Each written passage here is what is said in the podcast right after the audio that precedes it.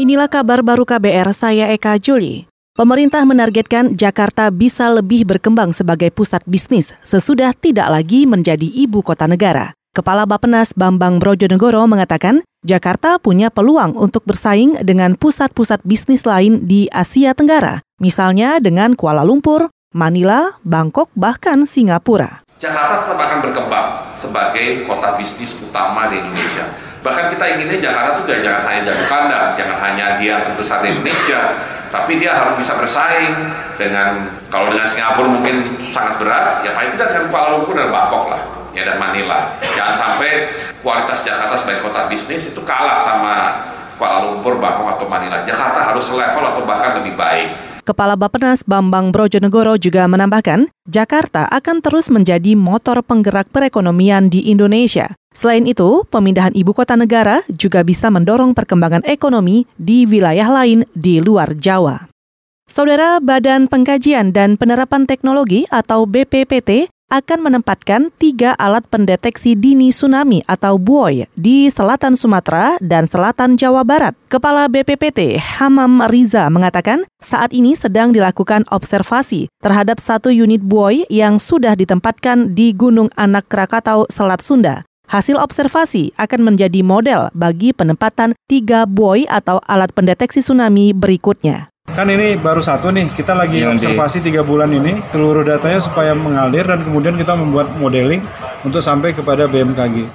Kepala BPPT Hamam Riza menambahkan, semua daerah rawan gempa dan tsunami nantinya akan dipasang buoy. Sebelumnya, tim teknis BPPT berhasil memasang buoy merah putih di kawasan Gunung Anak Krakatau Selat Sunda. Dalam keadaan normal, alat pendeteksi gempa dan tsunami itu akan mengirim informasi data gelombang laut satu kali dalam satu jam ke Pusat Data Buoy Indonesia di BPPT.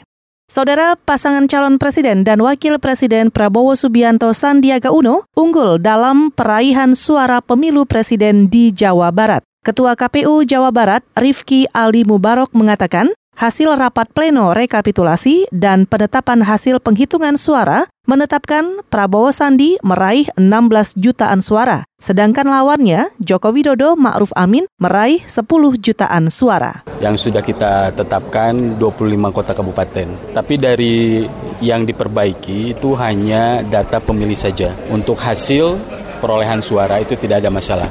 Jadi sudah dipastikan hasil perolehan suara untuk semua 27 kota kabupaten itu sudah tidak ada selisih. Itu tadi Ketua KPU Jawa Barat, Rifki Ali Mubarok. Dari 27 kabupaten kota di Jawa Barat, Prabowo Sandi menguasai perolehan suara di 21 daerah. Sementara pasangan Jokowi Ma'ruf hanya unggul di enam daerah, yaitu di Kota Cirebon, Kota Banjar, Kabupaten Pangandaran, Indramayu, Cirebon, dan Subang. Komisi Pemberantasan Korupsi atau KPK hari ini dijadwalkan memeriksa sembilan pejabat di lingkungan pemerintah Provinsi Maluku dan Kota Ambon terkait laporan harta kekayaan penyelenggara negara atau LHKPN. Menurut juru bicara KPK Febri Diansa, pemeriksaan itu sebagai bagian dari pelaksanaan tugas pencegahan korupsi. Kegiatan pemeriksaan LHKPN terhadap sembilan pejabat di lingkungan Pemprov Maluku dan Kota Ambon itu berlokasi di kantor Gubernur Maluku dan akan berlangsung sampai tiga hari ke depan. Saudara, demikian kabar baru. Saya Eka Juli.